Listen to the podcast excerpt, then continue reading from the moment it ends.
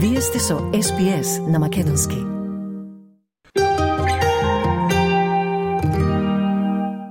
Деветото светско првенство во фудбал за жени започна вчера во Окленд, Нов Зеланд и веќе на стартот на првенството ко домакинот Нов Зеланд направи изненедување, совладувајќи ја Норвешка со 1 спрема 0 со голот на Хана Вилкинсон во 48-та минута. Со тоа Нов Зеланд стигна до својата прва победа на светските првенства по пет учества.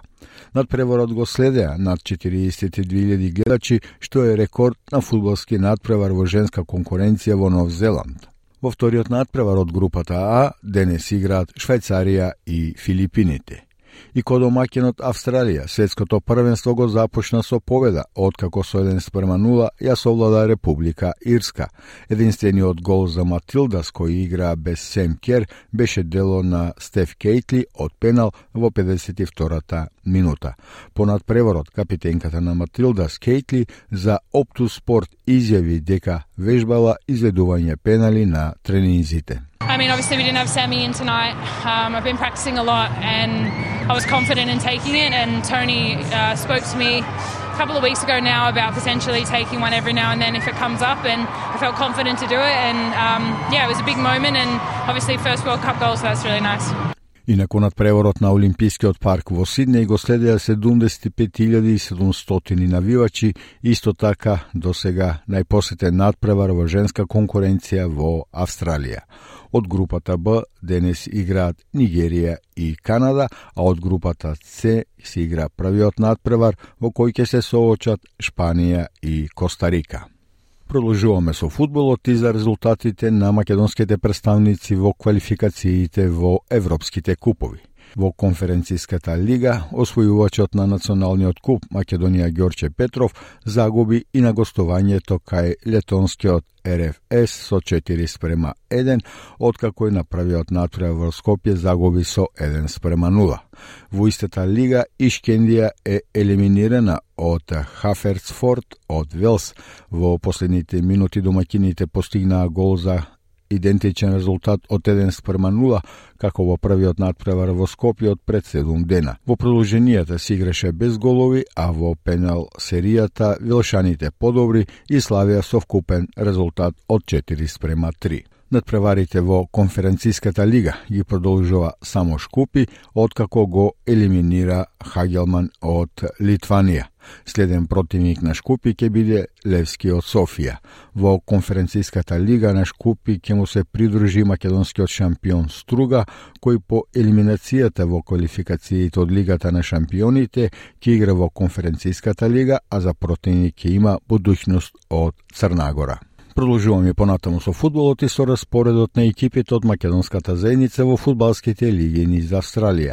Во премиер лигата на Викторија се играат надпреварите од 23-то коло, Алтона Меджик Вардар по три победи игра на домашен терен, противник е Оукли Канонс. Средбата се игра утре со почеток од 18 часот и 15 минути. Алтона Меджик Вардар во моментов на шестото место со 35 бодови, кои носи и учество во плейоф серијата, додека Оукли Канон се на третото место со 51 бод. Во втората премиер лига на Викторија исто така се играат надпреварите од 23-тото коло, Престон Македонија гостува кај Нордкот Сити, средбата се игра вечерва со почеток од 20 часот и 30 минути. Да подсетиме дека во оваа лига на првото место е Кингстон со 40 бодови, Денденок Сити на второто со 39, а третиот Вестерн Юнайтед има 38 бодови.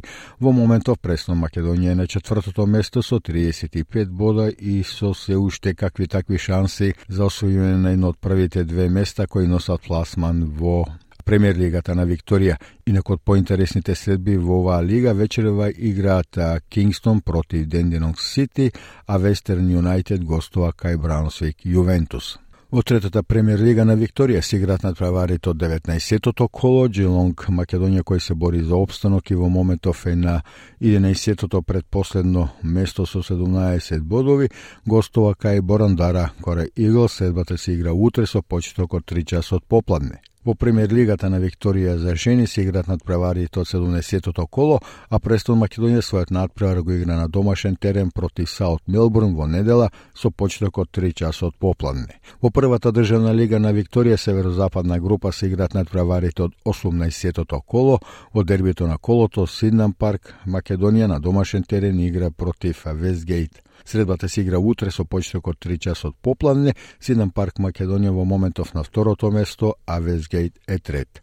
И во втората државна лига Северозападна група, Лалос Лога Юнайтед гостува кај Хјум Юнайтед, средбата се игра утре со почеток од 7 часот на вечер. Во премиер лигата на Нов Јужен Велс играт играат надпреварите од 25-тото коло, Рокдел Илинде на домашен терен и игра со Булс FC Академи. Седбата се игра во недела со почеток од 3 часот попладне. Во моментов Рокдел Илинде на второто место на табелата со 46 бодови, а во првата државна лига во Нов Јужен Велс Сиднеј Македонија, односно Бенкстаун Сити, во ова коло гостува кај SD Райдер, средбата се игра утре со почеток од 7 часот на вечер. И во Илавара премиер лигата се играт над праварите од 19-тото коло, Кринджил Алајанс кој во моментов е на второто место со 38 бодови, на домашен терен игра со Хеленсбург, средбата се игра вечерва со почеток од 20 часот, а Волунгонг Юнайтед кој е на петото место во ова коло гостува кај Конистон,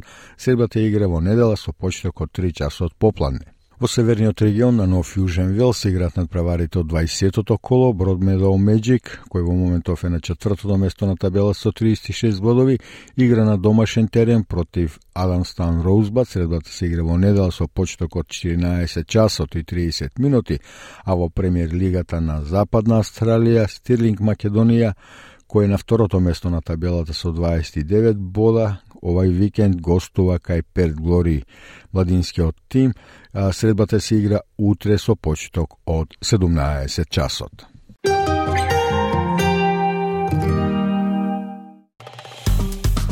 Стиснете, ми се допаѓа, споделете, коментирајте. Следете ја SPS на Македонски на Facebook.